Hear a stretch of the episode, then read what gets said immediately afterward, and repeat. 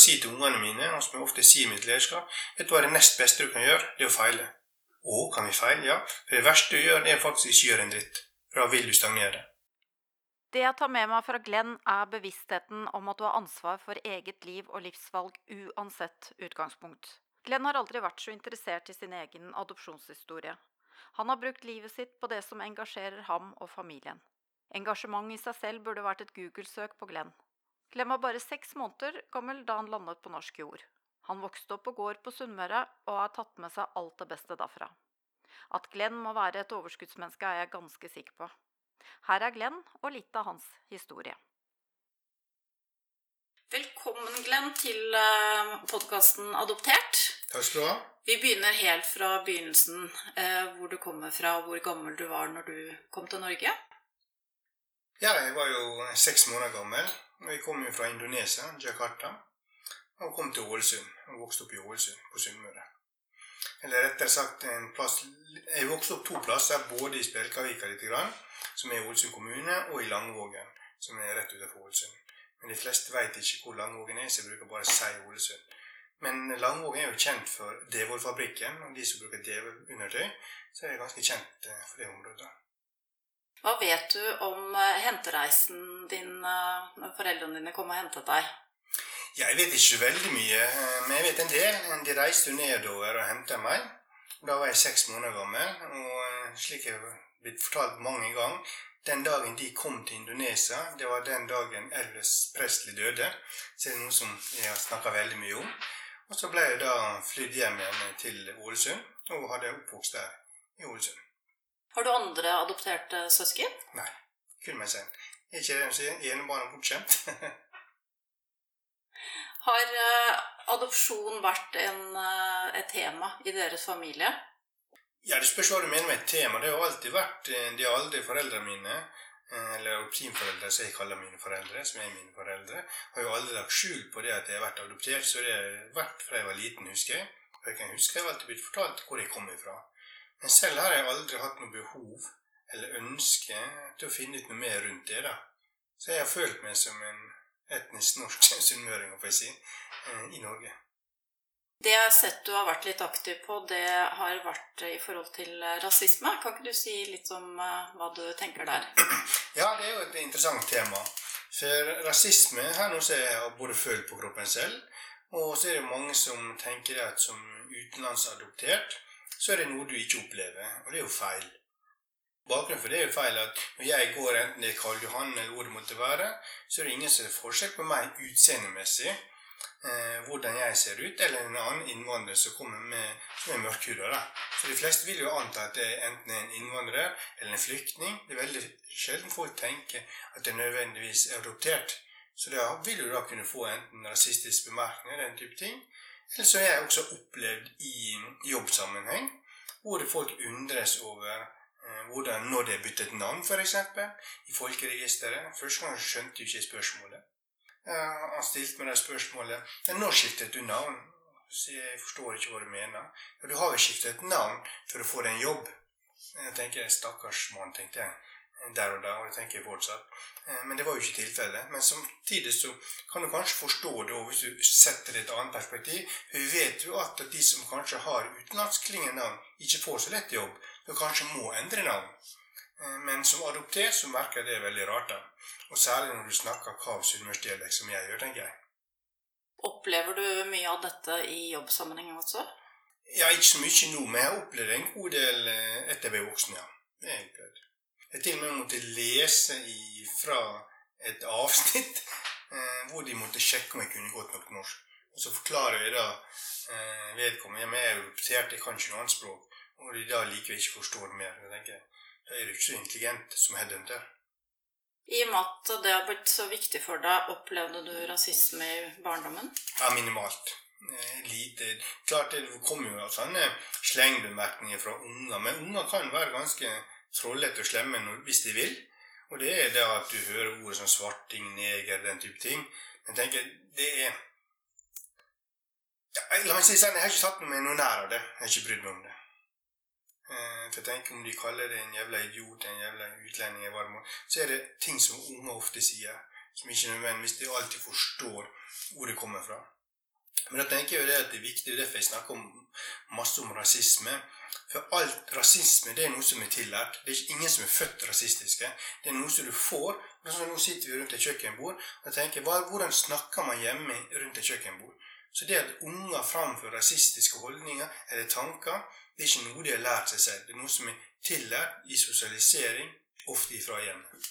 Så jeg tenker at vi må, Skal vi jobbe mot rasisme og den type ting, så må vi jobbe i mye større grad med enkeltholdninger. Hva vi faktisk bringer til folk selv som voksne.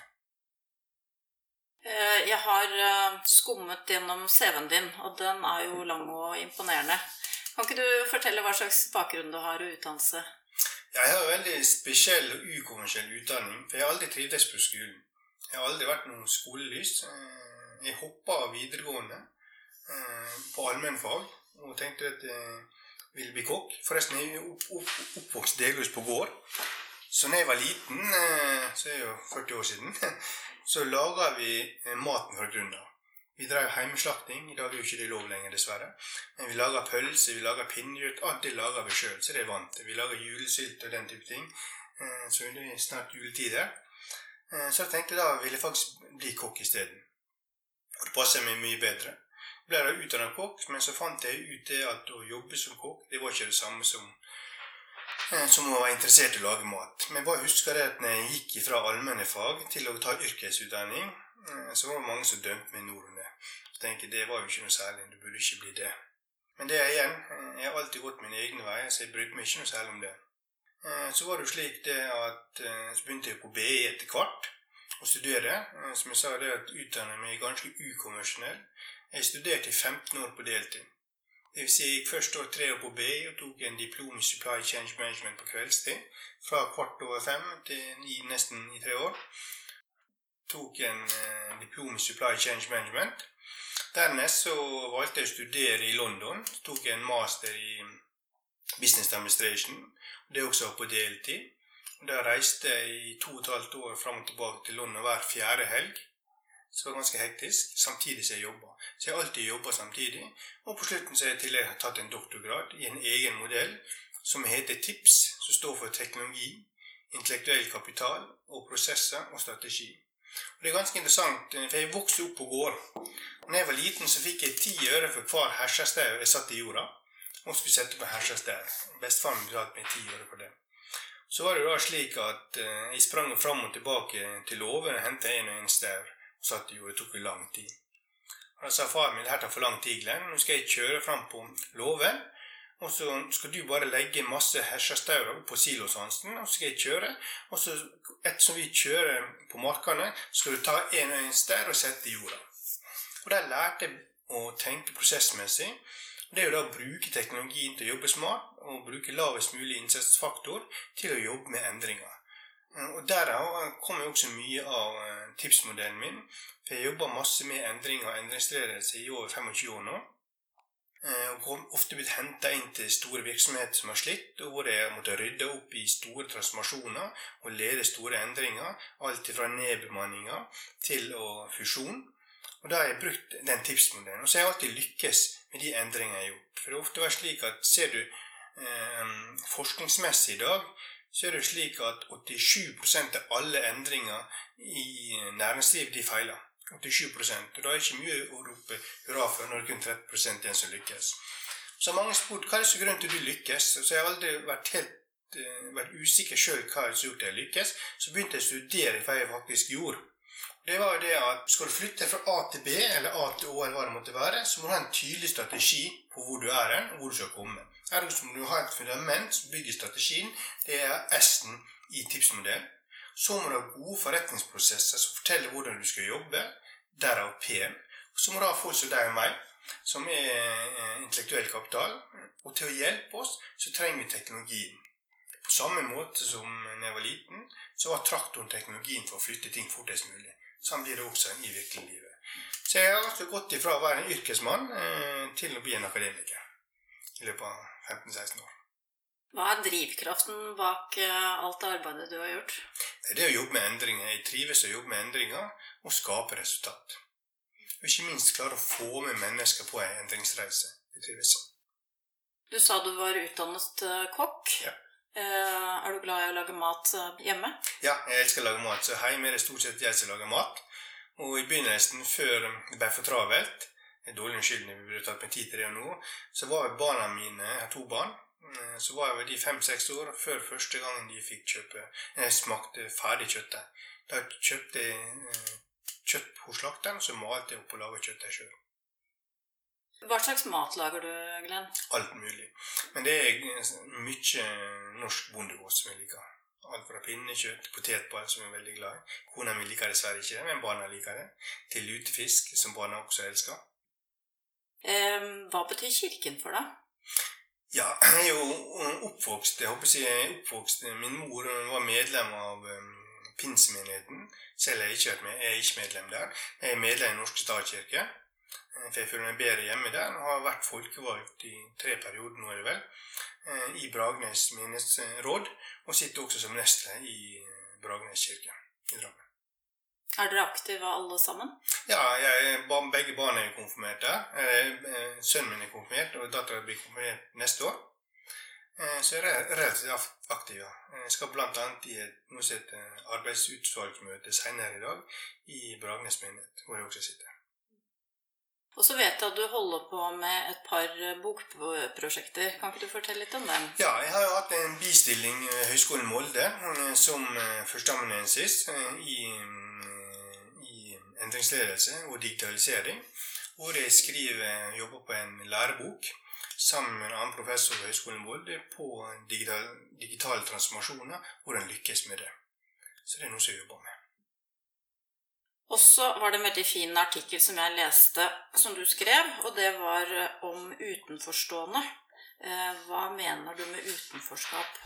Ja, det er også, Fra mitt perspektiv, og igjen det mitt perspektiv, så mener jeg at Norges største bærekraftsutfordring er først og fremst det voksne utenforskap. Vi snakker veldig mye om dieselbiler og flyreiser. Ja, det er viktig, det òg. Men det vi ofte glemmer i bærekraftsperspektivet, er sosial bærekraft. Og særlig når vi ser i disse tider, hvor både strøm, rente og andre ting går ut, går opp med det, så øker også utenforskapet. Vi har i Norge over 160 000 barnefamilier som er fattige, definert som fattige. Og Det tenker jeg, det er noe som er den største bærekraftsutfordringen vi har i dag. For utenforskap bidrar til at folk blir stående utenfor det gode selskap, som kanskje mange andre eh, nyter godt av i dag. Og Det tenker jeg er noe som vi må jobbe i større grad med og inkludere. Selv har jeg masse jeg jobbet som mentor de siste tolv åra, både ved Universitetet i Sørøst-Norge i Drammen og ikke minst ved Universitetet i London, hvor jeg selv studerte, hvor jeg jobba med å få folk ut i arbeid. Og hjelpe dem til å komme i gode stillinger og til å bygge en karriere. Og Gjennom Universitetet i Sørøst-Norge så har jeg vært heldig å få møtt masse flotte mennesker. Utfordringene har vært mange av de har også hatt, har ikke vært etnisk norske og gjerne hatt utenlandsklingende navn, som har slitt å komme inn på det norske markedet. Og Vi har jobba med flere av de. Og da er det slik at jeg har sagt at når det er slitt flere ganger, da må vi prøve å tenke annerledes framfor å gi opp. Og Da må du gjerne søke internasjonale selskap for å komme inn. Og To av de som jeg har vært mentor for, har fått gode jobber i internasjonale selskap. Dessverre så har ikke norske selskap ansatt i. Og hun ene sitter i dag som administrerende direktør i et svensk selskap. Så jeg tenker er helt fantastisk. Jeg har også vært opptatt av å få godt voksne folk ut i arbeid. Jeg har vært mentor og jobba med de. En kar som jeg jobber masse med, har stått fem år utenfor arbeidslivet. Han er 58 år. Og etter fem år nå så har vi klart å få han ut i arbeid. Han var forresten også på TV 2-nyheten for en stund siden. Og har søkt over 2000 jobber. Og Det er jo ganske interessant, for det du ser eller jeg ser, er det at de samme mekanismene som kanskje etnisk norske møter, eller ikke etnisk norske møter, mener jeg, med utenlandsklingende navn, og som de som er faktisk etnisk norske, som passerer 50 år, de møter de samme barrierene i arbeidslivet. På en eller annen måte så blir det bare outsourca. Det blir ikke engang vurdert. Og Det tenker jeg, det er også bidrar til et voksende utenforskap som vi må jobbe mye sterkere med for å lykkes med å bygge bærekraftig samfunn. Hva tenker du om tiden vi står i nå, da, hvor kanskje fattigdommen kommer enda klarere frem enn noen gang? Ja, jeg tenker det at uh, måten den sittende regjeringa styrer på Jeg skal ikke snakke så mye politikk. Jeg tenker er feil måte. Både du ser måten strømmarkedet og alt det fungerer i dag. De, de, kaller det en såkalt strømstøtte, som er, fra mitt perspektiv er feil. For det, De tar ifra de ekstrainntektene de får, som i grunn kunne vært mye lavere. Eh, strømprisen. Det er pga. at vi har et eh, strømmarked som går over børs i dag. Og Hvis du i tillegg ser på på strømmarkedet, hvor, eh, hva er 2% den norske vannkraften står for Europa, og så blir det priset derifra til den norske husholdene, så er det helt galskap, tenker jeg. Fra mitt perspektiv. Ingen er bare det vi ser. Nei, det er riktig. Og det er også noe jeg bruker masse, bruker masse tid på, både når du skal ansette og rekruttere. Jeg har selv vært toppleder, jeg har vært administrerende direktør i Fretex-miljøet. Jeg har vært administrerende direktør i Muretunet, jeg har vært toppleder i flere større selskap.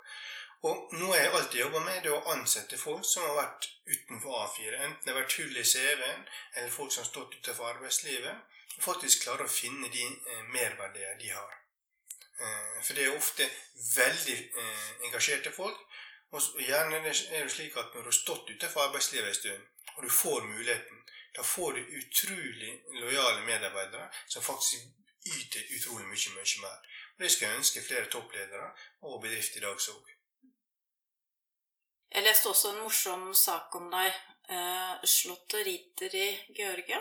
Ja, det er også en, det er også noen sånn spesielle greier.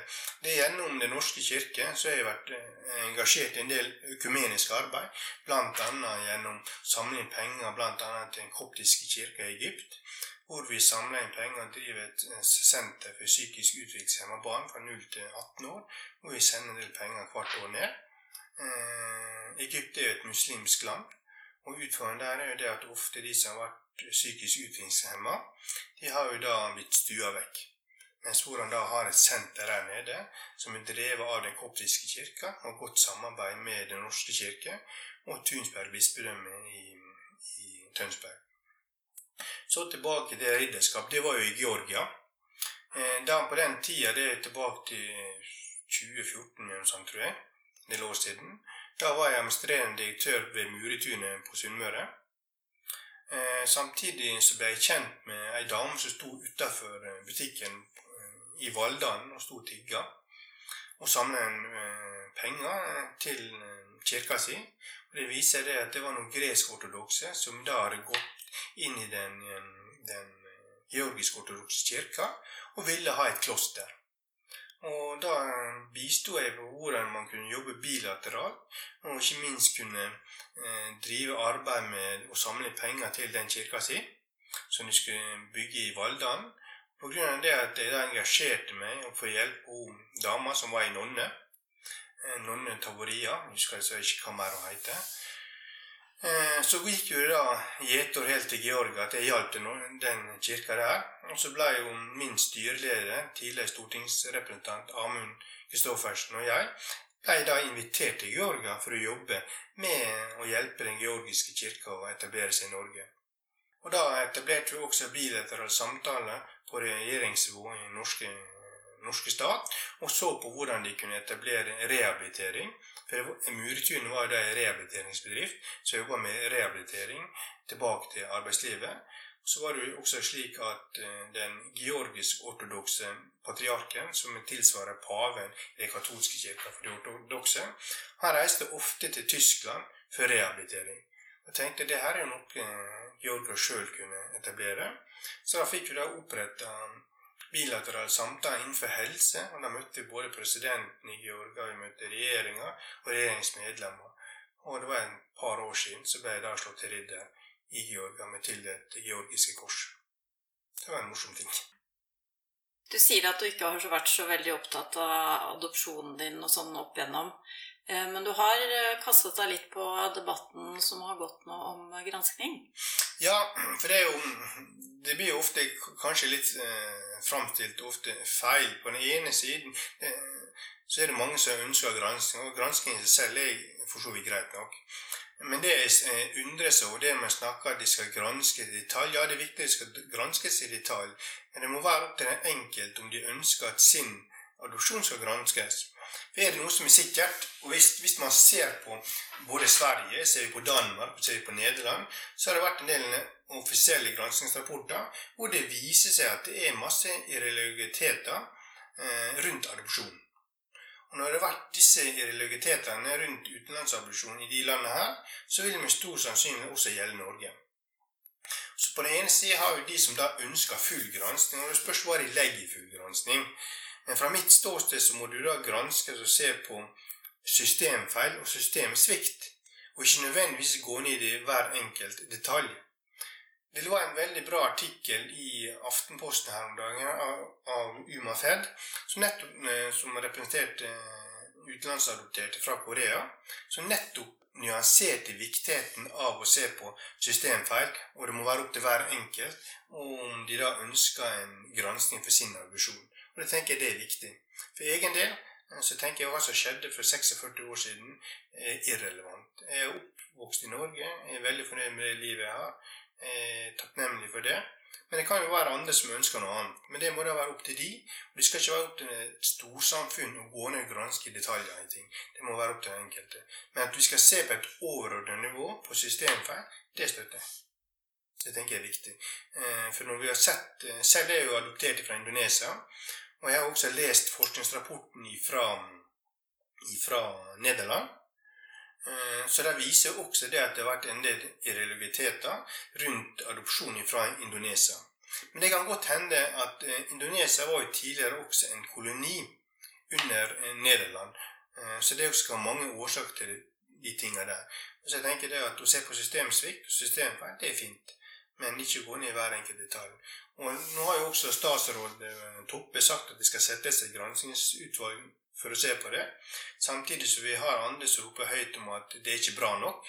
Og jeg tenker det at Så lenge vi ser på overordnet nivå om at det er systemfeil og systemsvikt, ja, da har vi eh, dokumentert at det er det. Så kan da får det være opp til hver enkelt å gå ned i detalj og vurdere hvor langt de skal gå ned, tenker jeg. Men først må du få fram om det har vært det eller ikke. For det vet vi ikke. Selv om det er stor sannsynlighet for det.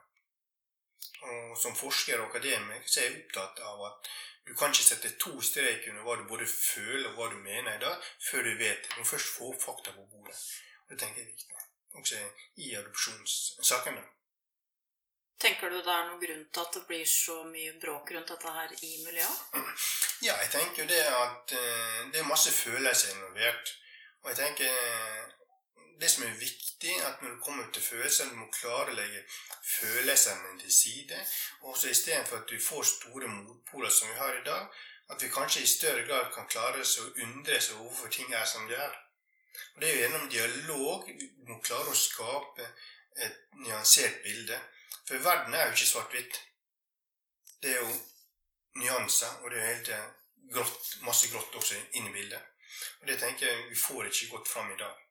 På den ene sida er det mange som roper og skriker om nå skal være full gransking, og det skal være på detaljnivå. Eller det framstår iallfall slik. Og det er for så vidt greit nok. Som jeg sier, vi må granske ting om det har vært, kan dokumenteres at det har vært systemsvikt. Vi må granske er det systemsvikt, hva skal du da gjøre videre? Så må det være opp til den enkelte å finne ut hva de ønsker. For egen del, som jeg nevnte eh, tidligere, så har ikke jeg noe behov for å granske hva som skjedde for 46 år siden. Jeg tenker det at, jeg kjenner også mange som har, eh, har eh, brukt tid på å finne ut rundt sin egen adopsjon og søkt tilbake til sine røtter. Og ære være de for det. Selv har jeg aldri hatt behov for det. Men det jeg også vet om flere som har funnet sine røtter i utlandet, de sliter jo i dag. For det første var jo ikke bildet så fint som de hadde tenkt. De hadde romanisert kanskje mye mer rundt det. Og ikke minst så viser det at når de da endelig har funnet sin biologisk familie, som ofte lever i fattigdom og elendighet, så blir det ofte da kanskje en del mas om penger og en del ting. At man skal ivareta og bistå og støtte eh, og sende nedover til de landene du kommer fra. Og det er naturlig. Du må tenke deg at Hvis vi tar perspektiv til de som er biologisk familie, så tenker vi at de er kanskje bortadoptert for å gi et bedre liv. Så vil du da ha noe tilbake. Da er det ofte ting krasjer. Jeg vet om flere eksempler på det hvor det er blitt mye mas om penger, og de skal støtte, som de ofte kanskje ikke har muligheter til i Norge. da. Så det det er et tvega sverd. Du har slått deg til ro med din historie, men hva tenker du hvis dine barn er nysgjerrige og har lyst til å vite mer? Ja, det er et godt spørsmål. Det, tenker, det må bli opp til de. Så da får jo de granske om de vil. Men for meg egen så har jeg ikke interesse av det. Men det kan jo godt hende det, det at gjennom en sånn gransking vi får, sier at vi får fastslått at det finnes systemfeil som det er stor sannsynlighet for å gjøres, og som er hypotesen, så kan det jo være at det viser at det er systemsvikt, det er systemfeil. Okay? Og Hvis de da seinere kanskje de ønsker å finne ut mer, så kan jo de få lov til det. tenker jeg. Men for egen del har jeg ikke hatt behov for det. Vi snakket litt tidligere om eh, et eh, slags kompetansesenter for eh, adopterte og adoptivforeldre. Tenker du det er en god idé å ha mer kompetanse der? Ja, det tenker jeg definitivt. For det, det finnes jo ikke Det skulle vært et nasjonalt kompetansesenter for adopsjon. Både for å få fram ulike perspektiv, og ikke minst uh, kunne støtte adoptivforeldre. Og ikke minst hvor de som er adopterte, kan henvende seg til for å få støtte og svar på ulike spørsmål. tenkte jeg. Et nasjonalt kompetansesenter som er nøytralt. tenker jeg har vært bra. Hvilke saker tenker du engasjerer deg fremover når det gjelder adopsjon og rasisme, f.eks.? Jeg det, det, var jo en forskningsrapport nå. jeg tenker Det er jo eh, et par år siden, tror jeg kom, det var i fjor, jeg husker ikke helt, hvor det ble fastslått at også adoptert utenlandsadopterte eh, møter rasisme. Jeg tenker det at det er ganske fascinerende at du må ha en forskningsrapport for å kunne fastslå det. På grunn av at når du går på gata eh, i Oslo, som jeg sa innledningsvis, så er det ingen som ser forskjell på oss. Og klart det at eh, vi som er utenlandsadoptert eh, og er mørkhuda, vil eh, oppleve rasisme. Sånn er det bare. Så jeg tenker det, du må kunne jobbe med rundt de tinga, kanskje forske mer da eventuelt på eh, hvilke traumer eventuelt hva det har skapt med de som er adoptert eventuelt. da. Det kan være en måte å jobbe på. For jeg til og med at jeg ofte jeg ser etter hvert på jobbintervjuer, så ser du Glenn Hole. Så tenker du det er et etnisk norsk navn. Så jeg ringer og snakker med dem. Du hører en sunnmørsdialekt. Og så kommer jeg og møter dem. Og det første jeg ser, det første jeg blir gjort, jeg blir, jeg blir målt med øynene med en gang. Å, er det sånn du ser ut? De sier det jo ikke, men de ser, du ser jo måten folk møter deg på. Og det er jo på grunn av at jeg ser ut som jeg ser ut. Og det får de ikke gjort noe med. Og det tenker jeg er at eh, folk må i større grad bare innse at sånn er det. Livet er urettferdig av uviss grunn. Og vi som er adopterte, utenlandsadopterte, vi kan enten fokusere på alt det negative, eller vi kan fokusere på det som er positivt. Og som person så er jeg den som fokuserer på, jeg fokuserer på muligheter framfor begrensningene. Vi kan også kunne hatt et kompetansesenter som også jobber med den type ting. Og hjelpe å forstå seg selv. Jeg tenker det Skal du lykkes å bli en bra samfunnsborger, enten du er adoptert eller ikke, så handler det også om å forstå seg selv, og eh, seg selv i en kontekst i et storsamfunn. Eh, Indonesia, Glenn, har du vært der noen gang? Nei, jeg har ikke vært der siden jeg ble adoptert. For det første er jeg ikke så veldig glad i varme. Det er ingen som skjønner. Jeg kommer fra et varmt land. Jeg liker mest kulde. Eh, så jeg bruker stor Jeg, jeg reiser store deler av verden. Men det har vært i USA, det har vært i Canada, det har vært i, jeg har besøkt samtlige land i Europa. Det eh, har vært veldig lite i Asia, for det er veldig varmt. Jeg er ikke veldig glad i varme. Ellers har jeg ikke hatt noe behov for å, å trekke tilbake til de røttene. Og mange syns det er rart. Og det kan godt hende hende jeg er rar. Men for egen del så har jeg sagt ikke hatt det. For jeg, jeg tenker det at eh, Ja, hva skal jeg finne ut av? Ja, det er jo da å finne kanskje eh, sorg og elendighet. Så kan du gjerne si det at det er kynisk at jeg ikke vil finne ut av det. Men jeg tenker det er vel så mye det at jeg beskytter meg selv for ikke å finne det ut. Eh, for det du ikke vet, har du ikke vondt av heller. Eh, jeg har fått et godt liv i Norge. Jeg er veldig fornøyd med takknemlig for det. Og jeg undres over de som mener noe annet, at de kanskje ville hatt det bedre og, og vært i hjemlandet sitt.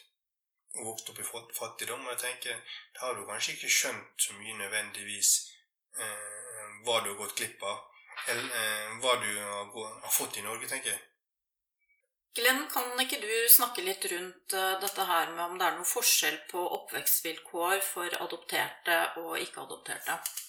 Ja, Det er jo et ganske interessant spørsmål. På grunn av Det er jo det det hevdes at eh, Eller det framføres i ulike sosiale mediumserier at det hevdes at mange utenlandsadopterte har det tøffere enn nødvendigvis etnisk eh, norske barn. Og det kan godt hende. Men der er jo der jeg mener at, at det finnes ikke gode nok data i dag. Men jeg tenker at uh, ja, det er mange har nok opplevd brudd. Mange har nok blitt adoptert bort i, i kanskje 3-4-5-6-årsalderen. De vil nok uh, definitivt kunne ha arv på det. Og da tenker jeg at det er viktig at vi får fram mye større et forskningsgrunnlag rundt de tingene. For dag har vi ingen data. Men hvis du ser på det store bildet, så er jeg ikke så sikker på at vi som er utenlandsadopterte, nødvendigvis stille i noen svakere gruppe enn de som er fosterbarn i dag. Eller andre som har hatt samme, samme eh, brudd som vi har opplevd. Det er jeg ikke sikker på. Så der har det vært veldig spennende å se om du kunne fått opp forskning på det. Som igjen et nasjonalt kompetansesenter i stor grad burde kunne drive på med. Eller koordinere, for den saks skyld. Så jeg tenker det har vært spennende å få opp forskning på de tinga. For i dag hevdes det mye, og det menes mye, og det føles mye. Men vi har ikke noen data på det som kan underbygge det. Og det er jo sånn at Skal du drive med å, å hevde noe, så må du ha noe grunnlag og data på det. Det finnes eh, noe, kanskje data på det fra utlandet. Eh, det vet jeg ikke. Eh, som du kan legge til grunn. Men det er også viktig at vi får fram data i Norge tenker på det, akkurat de tingene. Dette her blir jo egentlig en politisk sak, at du må få det frem på den måten? Ja, definitivt.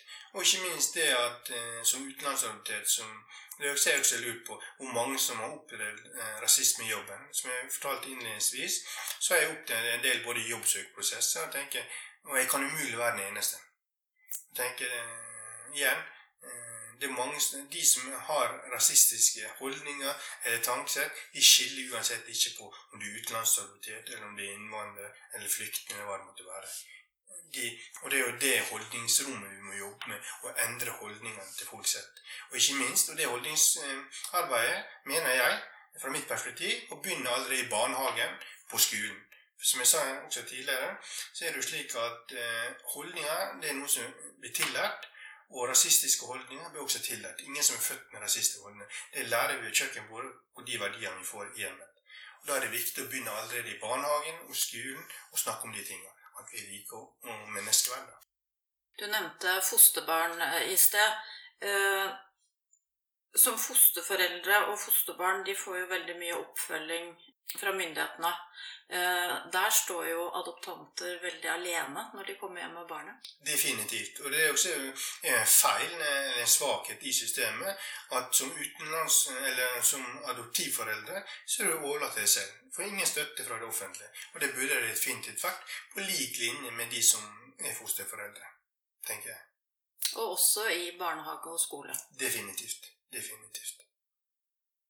Jeg leste et annet innlegg du hadde, Glenn, om det å føle seg krenka. At samfunnet krenker veldig om dagen. Ja, det er interessant fra mitt perspektiv. Eh, men nå er jeg oppvokst på Sunnmøre, og på Sunnmøre kaller vi en spade for en spade. Eh, men det jeg opplever fra mitt perspektiv, er jo det at folk hele tida er veldig hårsåre. Og folk føler seg krenka i det ene og det andre. Jeg skrev bl.a. et innlegg, jeg vet ikke om det er det du refererer til, om det som heter ramshowet med japanese ramshow, hvor mange da følte seg krenka med. Fra mitt perspektiv var det overhodet ikke noe rasistisk. Det, man spiller på ulike karakteristikker eh, hos japanere. Og tenker, Hva er forskjellen på om du spiller på det eller nordlendinger eller den type ting, eller en sunnmøring som er så glad i penger? Og jeg tenker, Vi er veldig hårsåre i dag, og vi må ikke ta alt til inntekt for at du skal være krenka eller føle deg krenka. Ja, jeg blir kanskje såra, det var kanskje slemt sagt, men det er ikke nødvendigvis alltid rasisme eh, i det folk framfører. Selv om det framføres mye dårlige vitser og krenkelser òg, da. Fremhev det også, da. Men jeg tenker at det er viktig For eksempel ja, Det er kanskje farlig å si, men hva er forskjellen på noen sier til meg 'din jævla utlending', eller noen sier til en jævla sunnmøring', 'din jævla eh, Unnskyld språket, jævla nordlending'? Hva er forskjellen? Jeg, fra mitt perspektiv så er det vanskelig å se de forskjellene. Vi må heller jobbe med hvordan vi omtaler hverandre, og jobbe med holdninger. Vi skal ikke bruke sånne begrep og beskrivelser om hverandre. Så det tenker jeg er vel så viktig. Der er kanskje sosiale medier også med på å hausse opp uh, graden av det, kanskje? Ja, definitivt. Og min adoptivmor er jo, eller mora mi er jo fra mm, Finnmark. Og jeg vet jo det at på 50-, 60-, 70-tallet opp til 80-90, så ville jo ikke folk på Østlandet ha nordlendinger og finnmarkinger som leieboere i Oslo. De jeg opplevde, det var på den tida kanskje masse, masse av de samme holdninger som masse av dagens innvandrere møter. Og da var det uh, etnisk norsk vi snakka om, men jeg skulle ikke ha noe med de å gjøre. Jeg tenker, ja, det er ikke lett. Jobber du med mye av de tingene i arbeidssammenheng også? Nei, akkurat de tingene jobber ikke så veldig mye i arbeidssammenheng. Så er det mer på fritida, hvor jeg er tatt på med Jeg syns dette er viktige ting. Hvor jeg er tatt med både inn som leder og tidligere som toppleder. Hvor jeg prøver å jobbe for å skape endringer. For jeg tror det at eh, skal vi få til endringer i samfunnet, så må det begynne med hver enkelt av oss. Og da må vi som har mulighet til å gjøre endringer, må begynne med de endringene selv. Når du eh, går inn i, på en arbeidsplass og skal jobbe med dem, hvilke grunnverdier mener du det er viktig å ha der? Jeg tenker det I utgangspunktet så må du være åpen, du må være inkluderende. Og så må vi som er ledere Nå har jeg riktignok ingen topplederjobb eh, per dags dato, men jeg har vært toppleder som jeg nevnte tidligere. Det å kunne jobbe med seg selv. Og den største utfordringa eh, å jobbe med seg selv, det er å tåle andre sin perspektiv som er uenig. Og det er igjen, som jeg sa, å undres i mye større grad. Jeg var veldig heldig. I en periode over tolv år så hadde jeg tidligere konsernsjef i Statkraft, Bård Mikkelsen, som min mentor og sparringpartner. Jeg møtte han én til to ganger i måneden i én til eh, to timer gjennom tolv år. Så vi snakka om mye ting. Og en av de tingene Bård lærte meg tidlig, var jo det at det er en grunn til vi har to øreglenn og én munn. Vi må lytte dobbelt så mye som vi snakker, og så må vi reflektere og undres og så må vi klare å stå i ubehageligheter. Ja, det kan være det at motparten, eller den som kommer med motargument, mener noe helt annet enn hva jeg mener. Men da er ikke det alltid å gå i forsvarsposisjon som alle andre gjør, men da er det faktisk å prøve å reflektere og tenke gjennom hva betyr dette, og prøve å sette meg, selv om det er vanskelig, inn i deres perspektiv, for å se på hvordan kan det ha noe nytte? Ikke fordi jeg nødvendigvis eh, skal ta til med alt relativmessig og endre synspunkt, men prøve å forstå det og finne en bedre løsning. For Det som også er viktig, det er at, at vi som ledere, også som foreldre, må forstå at eh, mitt perspektiv er ene og alene mitt perspektiv. Kanskje vi har hatt et samme perspektiv som du har, hvis det hadde vært i dine sko.